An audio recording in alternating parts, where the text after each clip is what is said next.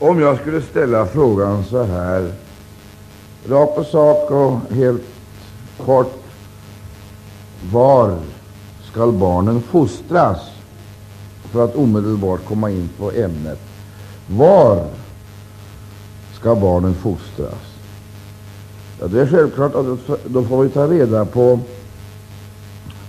vad möjligheter vi har, vad som står oss till förfogande.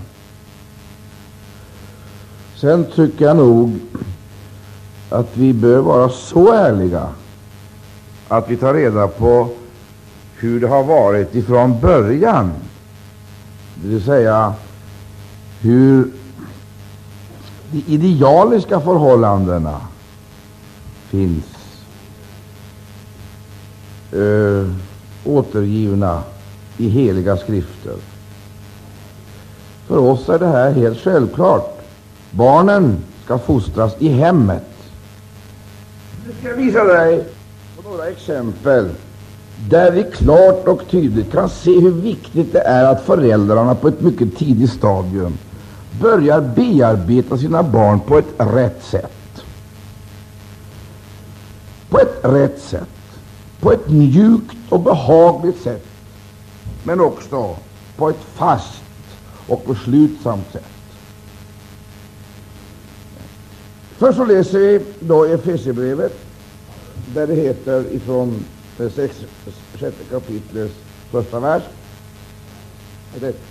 I barn varen edra föräldrar lydiga i Herren, ty detta är rätt och tillbörligt. Det är en grundregel.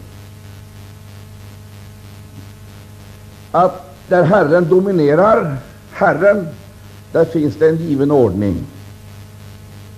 Kalla det en rangordning, men under alla förhållanden så finns det en naturlig auktoritet. Där Herren är, i Herren, där finns det en given ordning. Det är föräldrarna som är den naturliga auktoriteten. Och det självklara är att föräldrarna underordnar sig Herren och lever för Herren.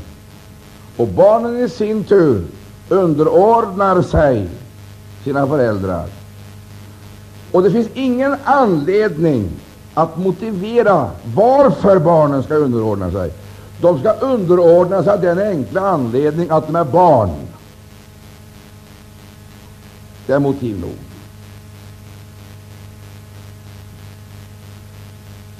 Och de ska underordna sig av den enkla anledningen att barnens föräldrar underordnar sig Herren.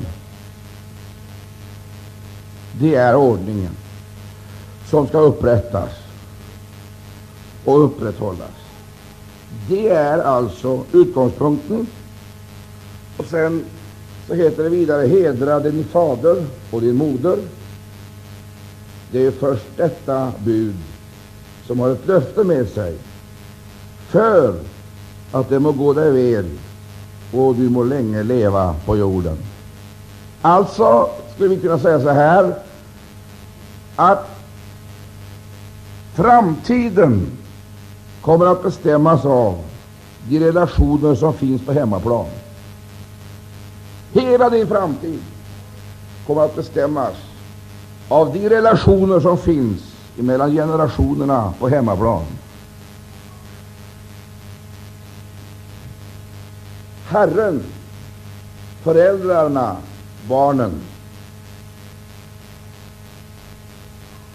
Utifrån det här så har man rätt att göra anspråk för Gud och tillägna sig löftena. Nå, vad ska då föräldrarna göra? Överföra, överlämna? Ja, det kan vi se om vi tittar i Pauli Det finns på ett par ställen där några uttryck som jag tror att det är väldigt viktigt att vi påminner varandra om ifrån det andra brevet, exempelvis första kapitel. ifrån det andra brevet till Timoteus, första kapitlet. Heter så här. Nu ska ni höra. Lyssna nu noga till den här heliga successionen som vi kan utläsa i, den här, i det här kapitlet. Vi läser ifrån den tredje versen. Jag tackar Gud som jag i likhet med mina förfäder tjänar. Där har du den heliga traditionen. Det vill säga, Paulus hängde inte i luften. Inte ens när han kom till tro på Gud hängde han i luften. Det fanns en klar kontinuitet mellan honom och fäderna. Vad gjorde han? Han personifierade fädernas gudstro och gudsfruktan. Och det var ett stort tacksägelseämne för honom. Ett väldigt tacksägelseämne. Det vill säga, han berömmer sig inte av sin utbildning eller sin samhällsposition, utan han berömmer sig av sin gudsfruktan och sin tro, som var en frukt av fädernas gudsfruktan och fädernas tro.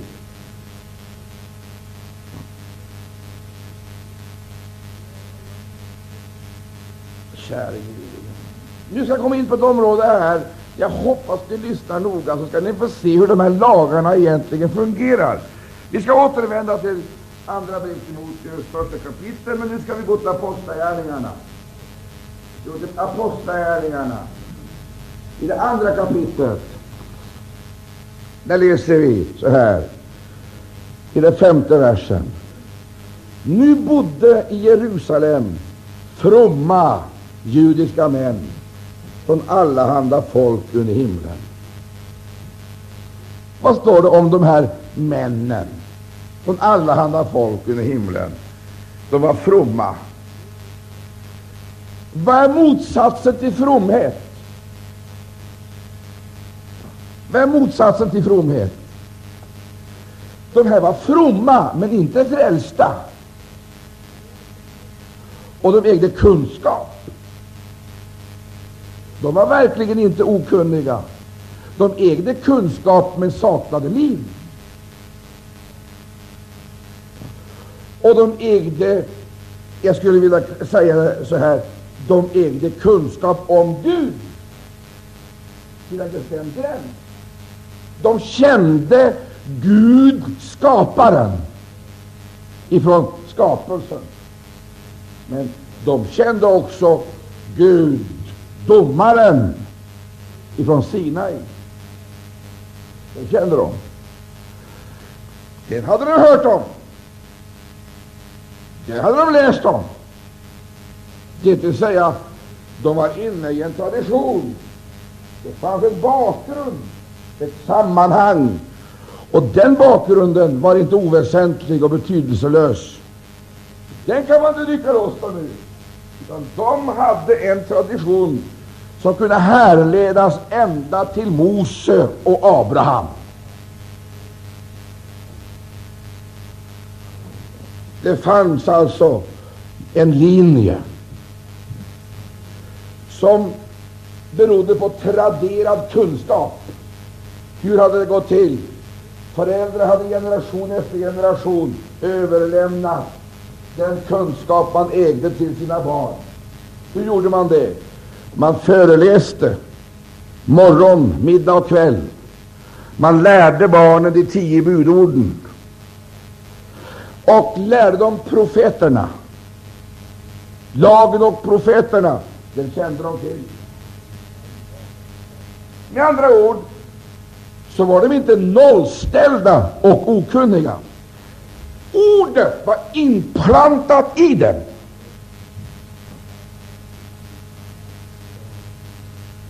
Och därför, när pingstdagen var inne, så kom de inte dit oförberedda, opåverkade, utan de kom dit mycket mycket påverkade och med en bestämd uppfattning om andliga och religiösa ting. Sen skulle jag vilja säga de hade lärt sig respekt för heliga ting. Vad som skedde på pingstdagen, det var det här att den kunskap de redan ägde, den, ära vare Gud, blev levande jord. Det var det som skedde. Och när, när Petrus trädde fram, så står han inte utan vapen och utan anknytningspunkter. För det första så plockar han fram ur deras egen tradition, deras egen historia, så plockar han fram heliga skrifter. Och så, så säger han någonting som alla säkerligen kunde ha läst utan till tillsammans med honom. För, för, Joels profetia och profeterna kände de väl till. Och därför, när han börjar läsa Nej, säger Peter, som ni säger att de var uppfyllda av sött vin. Här uppfylls det som är sagt genom profeten Joel. Och då ökar intresset omedelbart. Är det sant? Finns detta inom ramen för den heliga uppenbarelsen? Då lyssnar de med stor intensitet. Ty han säger, här uppfylls det som är sagt. Det vill säga, här synliggöres det ni redan vet om. Stämmer det inte?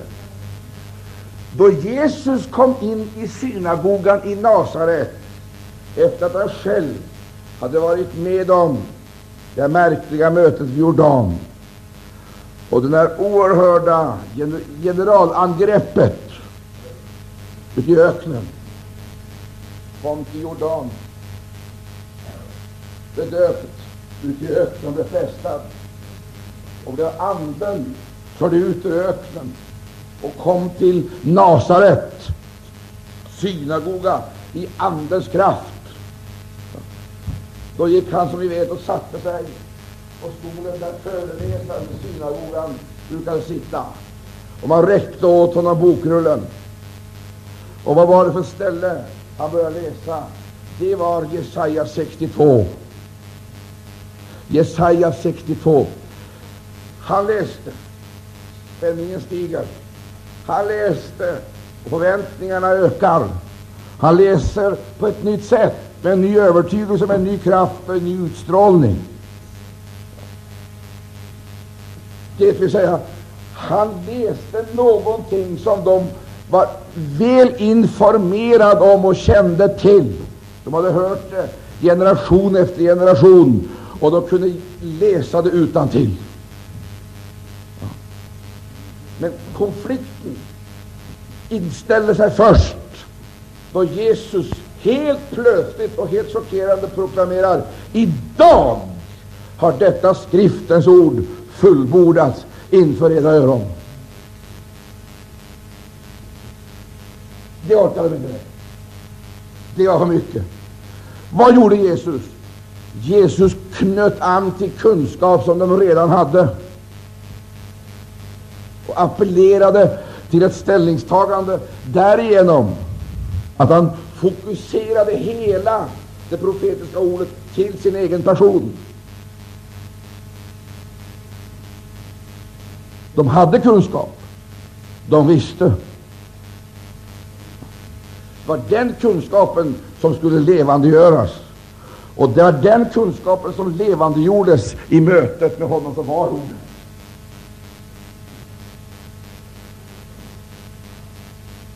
Vad säger oss det här?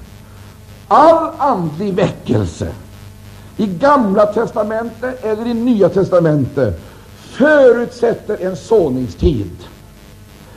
Där ingen som tänker sig skörda, där aldrig något har blivit sått. Och såningstiden, det är egentligen tiden, det är barnatiden, det är tiden då barnet är i hemmet. Och det är föräldrarna som är de första såningsmännen. Vad ska föräldrarna göra? Ja, vi ska läsa ett ord till. Det var ett föredöme värt att efterfölja. Låt oss gå till Lukas evangelium. Lukas evangelium, andra kapitel. I den fyrtionde versen. Jag kan läsa 39 versen först. Eller, och när de hade fullgjort allt som var stadgat i Herrens lag vände de tillbaka till sin stad, Nasaret i Galileen. Men barnet växte upp och blev allt starkare och uppfylldes av vishet, och Guds nåd var över honom. Vad han hade lärt sig?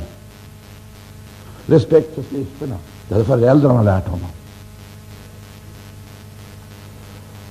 Och så uppfylld av brinnande intresse var han av dessa skrifter. Så läser vi fortsättningen, så säger han så här. Det, det heter, vi kan läsa ifrån den 45 versen. När de då icke funne honom vände tillbaka till Jerusalem och sökte efter honom. Och efter tre dagar funno de honom i helgedomen, där han satt mitt ibland lärarna och hörde på dem och frågade dem. Och vidare heter det, och alla som hörde honom blev uppfyllda av häpnad över hans förstånd och hans svar. Och det heter den 49 versen. Då sa han till dem, varför behöver ni söka efter mig? Ni har själv lärt när jag själv lärt mig detta. Guds rike först. Guds ord först. Visste ni då icke att jag bör vara där min fader bor? Och i 51 versen så följde han med dem och kom ner till Nasaret, och han var dem underdånig. Detta är ju märkligt. Här ser vi hur han själv så att säga, upprätthåller den gudomliga ordningen och underordnar sig. För far och mor var ingen tillfällighet. De var givna och hade, ära vare Gud, en gudomlig auktoritet som med nödvändighet måste upprätthållas. Och hans moder gömde allt detta i sitt hjärta. Och Jesus växte till i ålder och vishet och nåd inför Gud och människor. Går vi sedan till det första kapitlet i, i Lukas evangelium, så heter det där i eh, den åttionde versen Och barnet växte upp och blev allt starkare i anden, och han vistades i öknen intill den dag då han skulle träda fram för Israel. Och barnet växte upp och blev allt starkare i anden. Och Jag vill återvända till det här om en liten stund, därför att det finns någonting alltså som absolut inte kan skiljas ifrån varandra. Det är två led här. Den utveckling som han genomgick och förutsättningen för den utvecklingen. Läser vi sedan i det tredje kapitlet. I det tredje kapitlet, i första versen, så heter det i femtonde året av kejsar Tiberius regering, när Pontius Pilatus var landshövding i Judeen och Herodes var landsförste i Galileen, och hans broder Filippus landsförste i Turén och, och Trakontitislandet, Lysianas landsförste i Abilene. På den tid då Hannas var överstepräst jämte Kaifas, då kom Guds befallning till Johannes, Sakarias son, i öknen, och han gick åstad och predikade. Det finns ett samband mellan det som sker här och hans tidigare liv, vistelsen i öknen, vistelsen i hemmet. Det ena avlöser varandra på ett naturligt sätt. Och eh, det ena för med sig det andra. Alltså ut ur det ena växer det andra fram.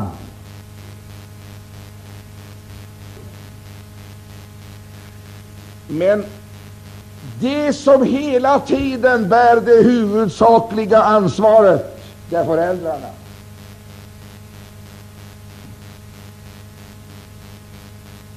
Det sammanhänger med deras insatser, med deras eh, gärning i hemmet. Att de fattade och förstod vad det handlade om. Men jag ska lämna den detaljen nu.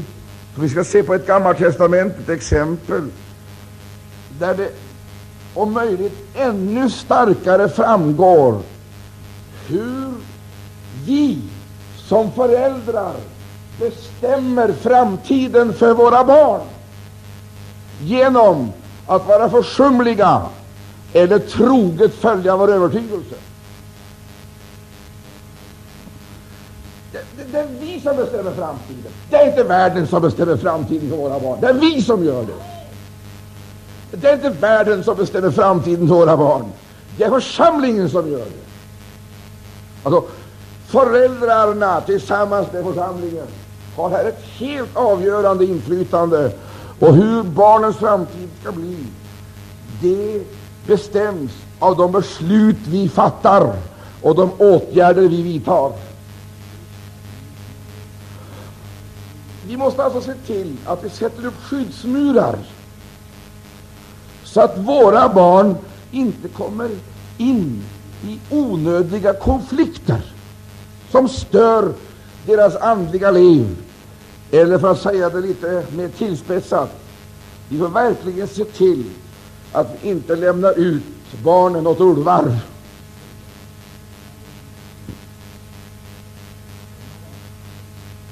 Som förför och vilseleder, stör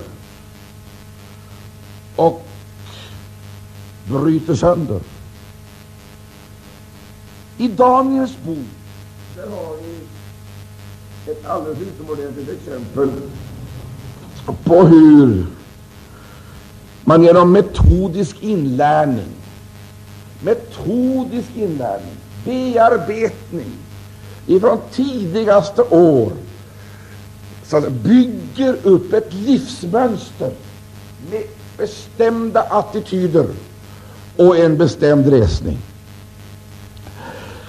Jag struntar högaktningsfullt i vad psykologerna säger, vad sociologerna säger, därför att den eh, oerhörda eh, filosofi som de har byggt upp har visat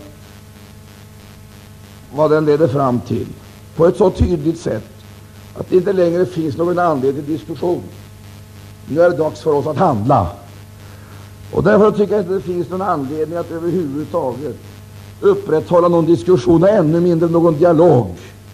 Det är frågan om att handla och helt enkelt förklara alltså, med rätta ord och på ett rätt sätt vad deras filosofier åstadkommer och leder fram till. I Danielsboken där har vi i första kapitlet några verser som, jag ska läsa med, som vi ska läsa med varandra. Det heter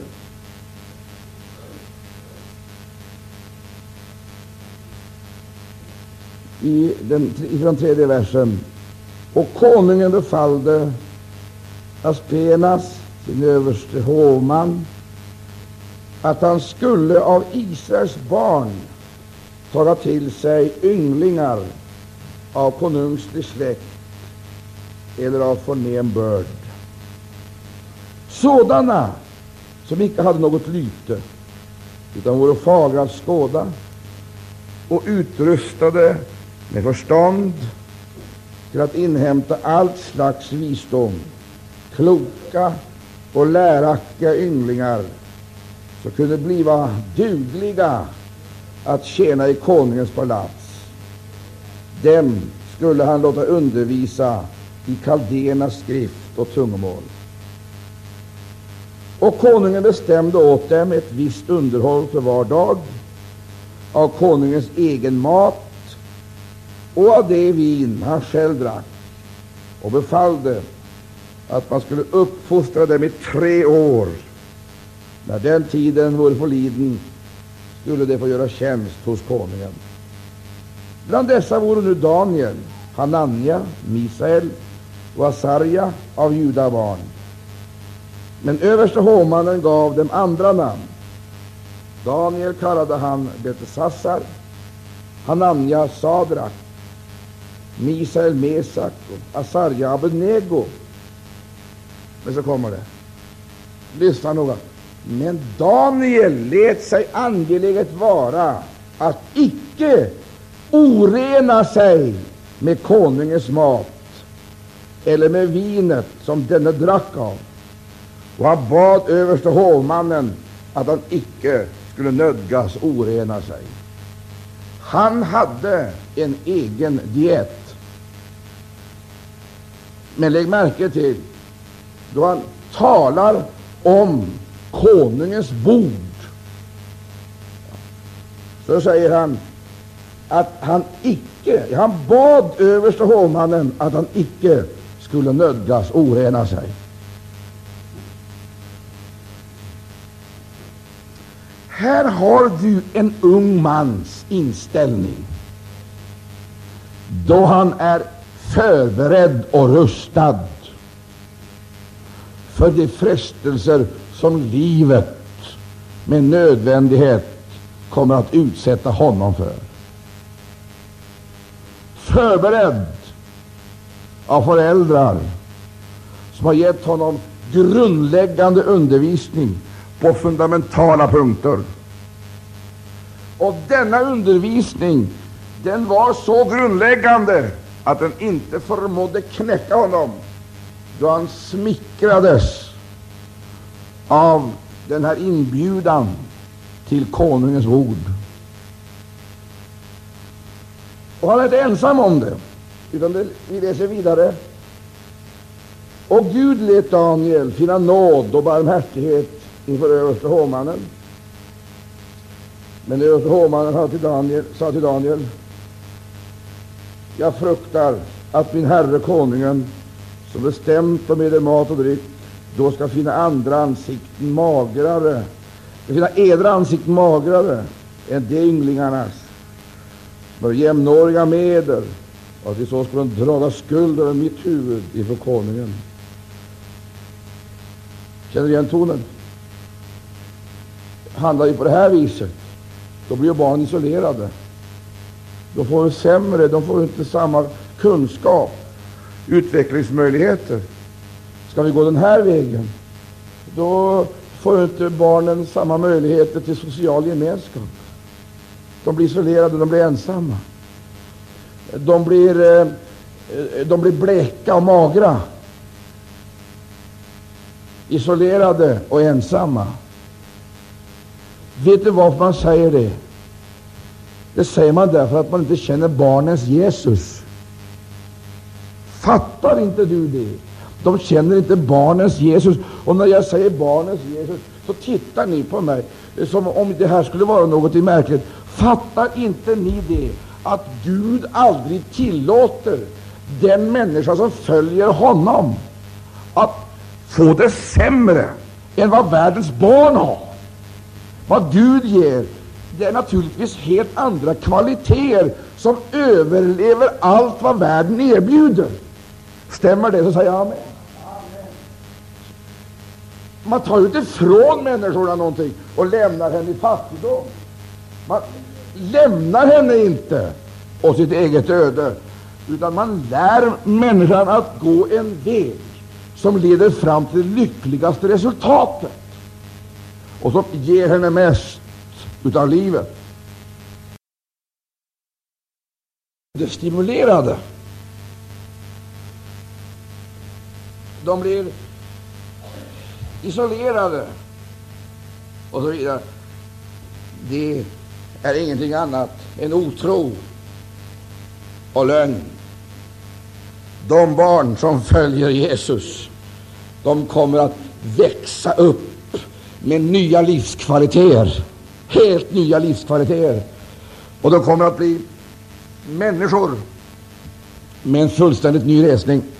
Men jag vill gå vidare, för jag tycker att det här är så oerhört viktigt att vi får se det sammanhang här som vi försöker eh, redogöra för. Då sa Daniel till hovmästaren, som var överste hovmannen, hade blivit satt att ha uppsikt över Daniel, Hananja, Misael och Asarja. Gör ett försök med dina tjänare i tio dagar och låt giva oss grönsaker att äta och vatten att dricka. Sedan må du jämföra vårt utseende med de ynglingars som har ätit av konungens mat, och efter vad du då anser må du göra med dina tjänare. Och han lyssnade till denna deras begäran och gjorde ett försök med dem i tio dagar. Och efter de tio dagarnas förlopp befunn oss de vara fagrare att skåda och stannade i bättre hull än alla de ynglingar som hade ätit av konungens mat. Då lät hovmästaren dem allt fortfarande slippa den mat som hade varit bestämd för dem och det vin som de skulle ha druckit och gav dem grönsaker. Och så kommer det. Vill du lyssna noga här nu, broder och syster? Du som upplever kallelsen och känner detta ansvar, så kommer det. Åt dessa fyra ynglingar gav Gud ny kunskap.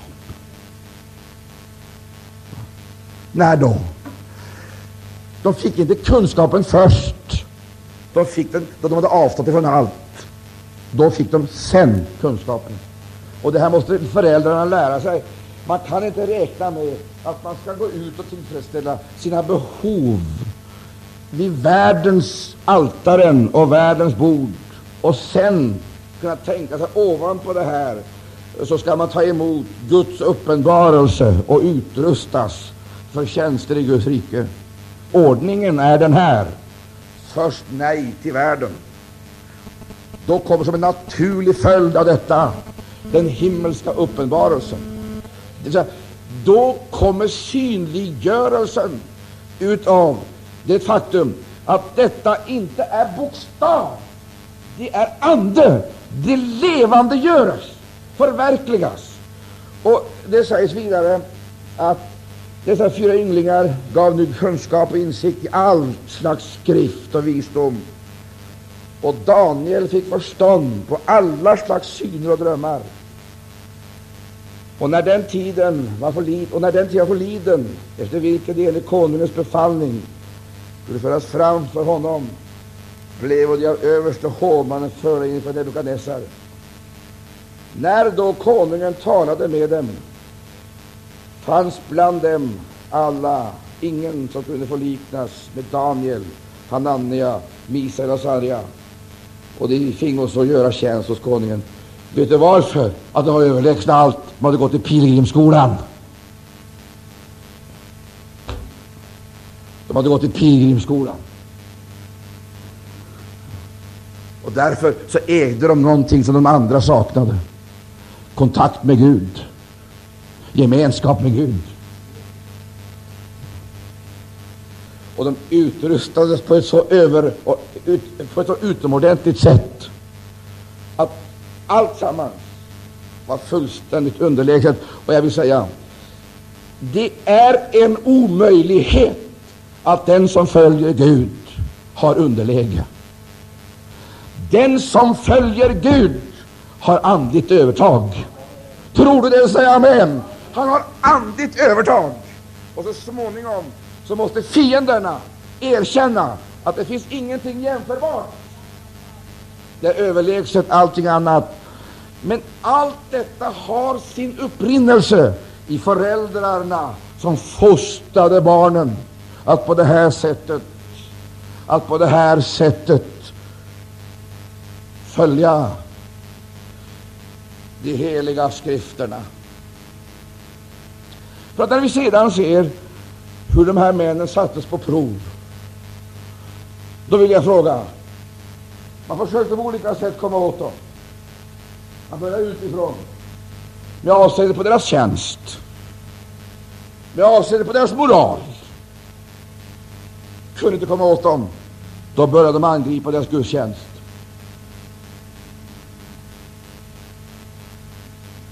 Och så kommer förbuden.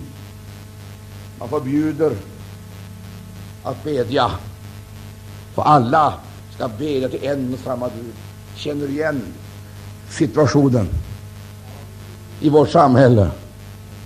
Man förbjuder, förbjuder att läsa Bibeln, förbjuder att ha bönemöten, förbjuder för att helt enkelt utrota all levande kristendom. Känner du igen det? Makten.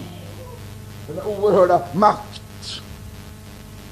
som hela tiden vill begränsa, vill förstöra och utrota. Och ni vet ju att på olika sätt kom det behov, kom det förbud. Först så skulle de kasta sig ner alla, alla, alla höjdare, alla spåmän, alla vetenskapsmän, alla politiker, alla finansiärer och ekonomer, alla ministrar, utan undantag, skulle kasta sig ned och tillbedja vad då? Stoden. Va? Guldstoden. Gud i himlen. Känner du igen det? Det här är ju mångtusenåriga texter. Och så är det precis som du har skrivit i Sverige igår. Eller förra veckan. Hotet ifrån staten. Hotet ifrån makthavarna mot de här små människorna som vill följa Jesus. Som vill gå sin egen väg. Hotet ifrån myndigheterna. Känner du igen det? Och det är ingenting nytt. Definitivt inte. Här ska du få höra ett annat sammanhang, där man så att säga på ett tidigt stadium vidtog alla de åtgärder man ansåg var nödvändiga för att eliminera att någonting skulle kunna förskjuta makten. Förskjuta makten. En maktförskjutning eller förändring. Och så här gick det till vid det tillfället. Genom tron blev Moses vid sin födelse dold.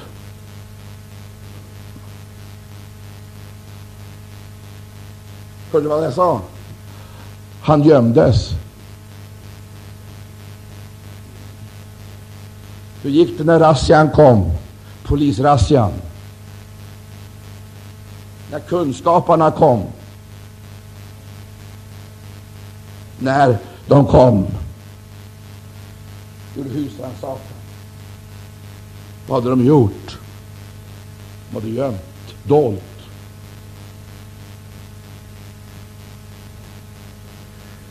De var i opposition.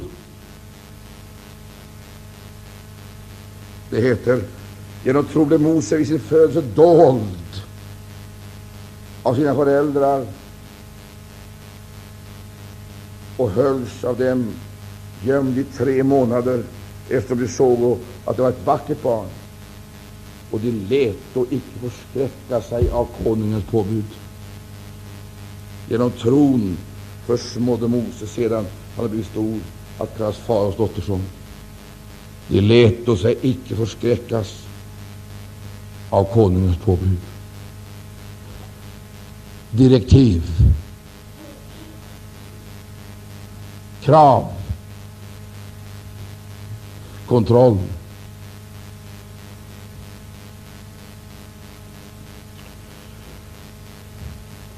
Det här, förstår du, är någonting som går igen i alla tider.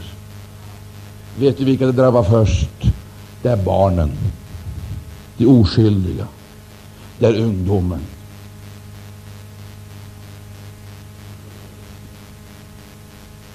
Och nu så utfärdades det ett allmänt påbud om att alla, alla makthavare på alla nivåer skulle falla ner och tillbedja.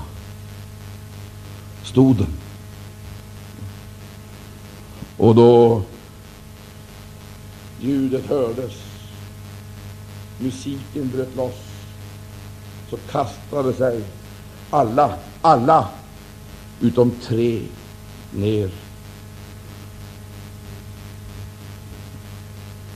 Där står de. Tre stycken står, medan de andra faller.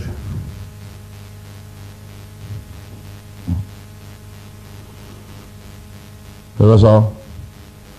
Tre står och de andra faller.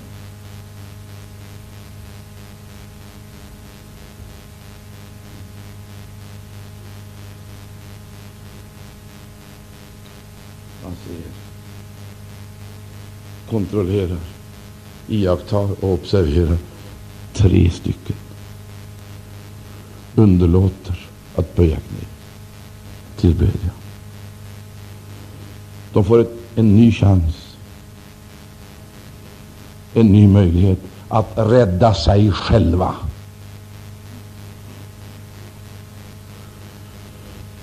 Men de låter sig inte påverkas inför hotet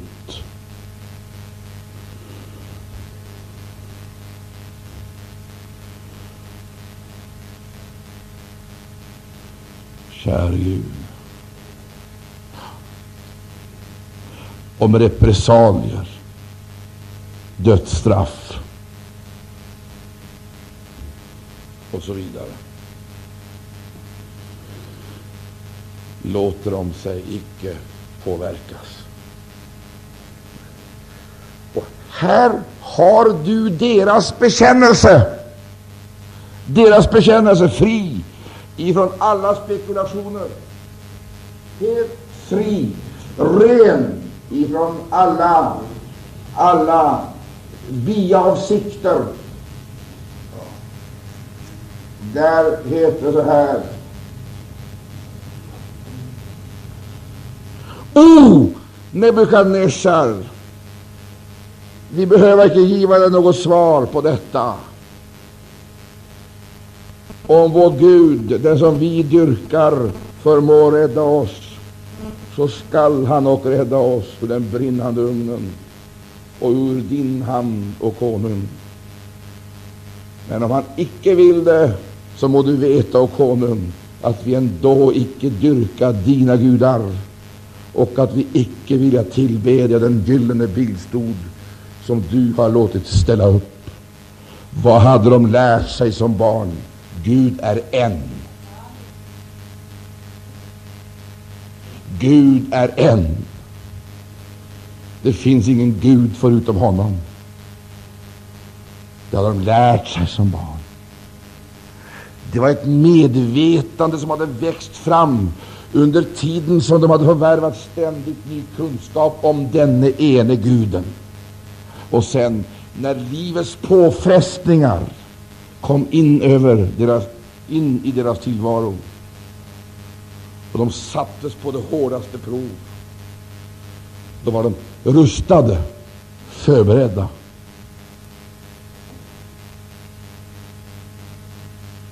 De kände till skriften hade växt upp med dem. Visst, Gud är en. Och du ska älska Herren din Gud av allt ditt hjärta, all din själ. Du ska inga andra gudar hava jämte mig. Den lekte för varandra. Du ska inga andra gudar hava jämte mig. Det hade de lärt. Det hade de smält. Och nu bekände de det med sitt liv som insats. De kastades i ugnen. Och värmen upptäcker det fanns ingen eld som rådde på dem. Det fanns ingen hetta som var tillräcklig för att förinta dem. Och när man ser ner i den förfärliga ugnen så upptäcker man att det är inte längre tre, det är fyra. Och en liknar en gudason. Åh, oh, halleluja, Gud är i ugnen. Tror du det? Gud tar hand om våra barn. Gud tar hand om våra ungdomar. Bara vi ger dem Guds ord. Bara vi vågar fostra i överensstämmelse med de gudomliga principerna.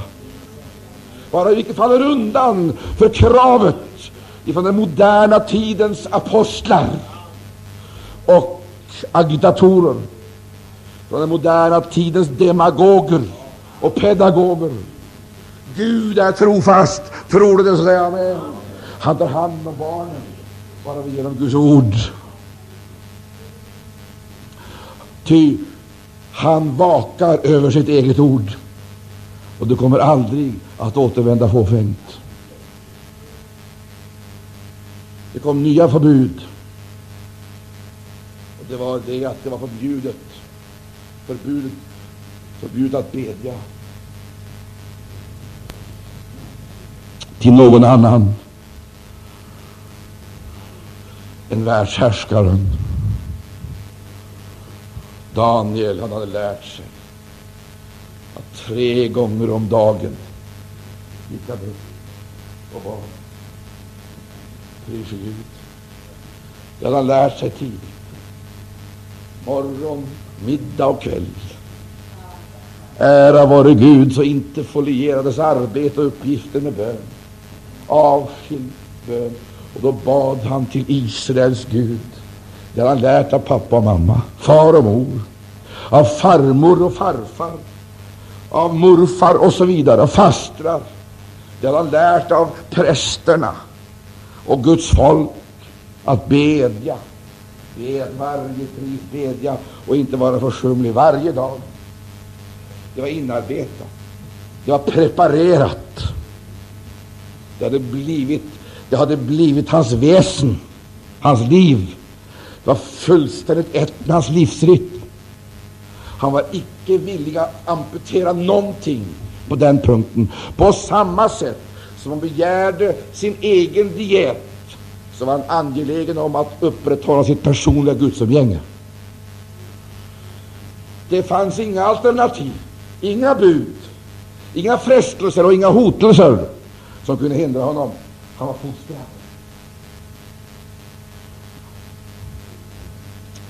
Det kan vara mycket snett och mycket onormalt, mycket felaktigt. Det är trist att vara på främmande territorium som fånge. Men under de värsta förhållanden så kan vi bli bevarade, bara vi håller oss till honom. Tror du det, säg amen. Vad gör han? Precis som vanligt så går han upp på sitt rum, öppnar fönstret mot Jerusalem och så beder han. Så beder han med fönstret vänt mot Jerusalem och så beder han. Och så kommer som en naturlig följd husrannsakan. Knäkterna. Razzian. Och vad är det man ser när man bryter sig in i hans rum? Vad ser man? Där ser man en dag han hör knappast någonting. Han står där med lyfta händer vid fönstret vänt mot Jerusalem och så beder han. Vet du vad jag tror han gjorde? Han läste salmer. Han bad. En tillflyktsort är du, urtidens Gud. Och han beder igen. Han beder igen. Vad är en människa? Att du tänker på henne. Han beder igen. Han beder. Och så sjunger han lovsång, sjunger psalmer. Det rapporteras.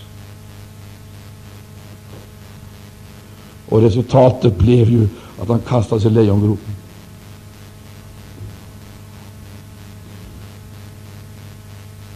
Det finns inget lejon, hör du, som rår på den som har Guds beskydd. Det finns ingen makt som kan till intet göra den som har Herrens beskydd.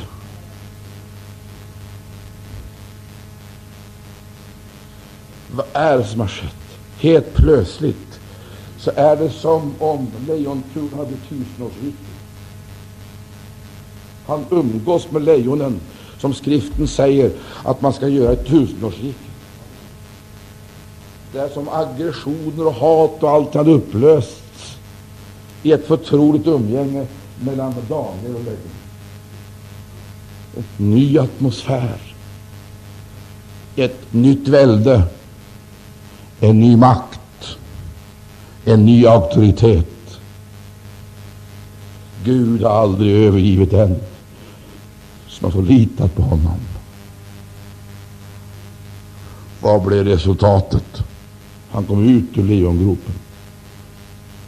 De tre återvände utan att ens ett hår var skadat.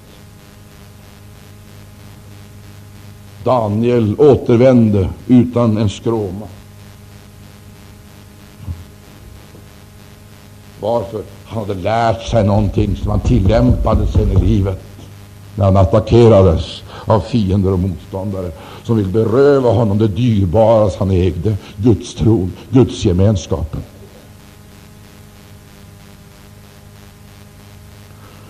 Och efter förnedringen så kom upphöjelsen. Sådan är Gud. Avslutningsvis, min älskade vän, så vill jag poängtera det här genom att hänvisa till nytestamentliga texter. För att det här är inte någonting som hör Gamla testamentet till. I andra brevet till Timoteus, där talas det om en helig tradition. Och så här utvecklar aposteln det. Han säger i det första kapitlet så här. Jag tackar Gud, i tredje versen, jag tackar Gud som jag i likhet med mina förfäder tjänar, och det med rent samvete, så som jag och oavlåtligen har dig i åtanke i mina böner både natt och dag. Och när jag kommer ihåg dina tårar längtar jag efter att se dig för att så bli uppfylld av glädje. Då jag erinras om din oskrymtade tro, samma tro som först bodde i din mormoder Louise och din moder Eunice och som nu, därom är jag förvissad, jämväl bor i dig. För den skull, med anledning utav det du har hört och mottagit, det du har erfarit redan ifrån ditt eget hem, genom mormor och mor, genom mig som är din vän och din andlige fader. På grund utav allt detta, för den skull, så uppmanar jag dig att uppliva den gåva, ja, uppliva den nådegåva från Gud som i följd av min handpåläggning finnes i dig. Förstår du? Det fanns anknytningspunkter. Det fanns människor, förebedjare, lärare som hade undervisat. Det fanns någonting att anknyta till. Det var någonting som var, det var, någonting som var förberett. Det fanns förutsättningar för en, fortsatt, för en fortsättning. Och vad var det som var förberett? Ja, låt oss läsa, låt oss läsa ytterligare några versar i det tredje kapitlet. I det tredje kapitlet, där heter det så här ifrån den trettonde versen. Men onda människor och bedragare ska gå allt längre i ondska.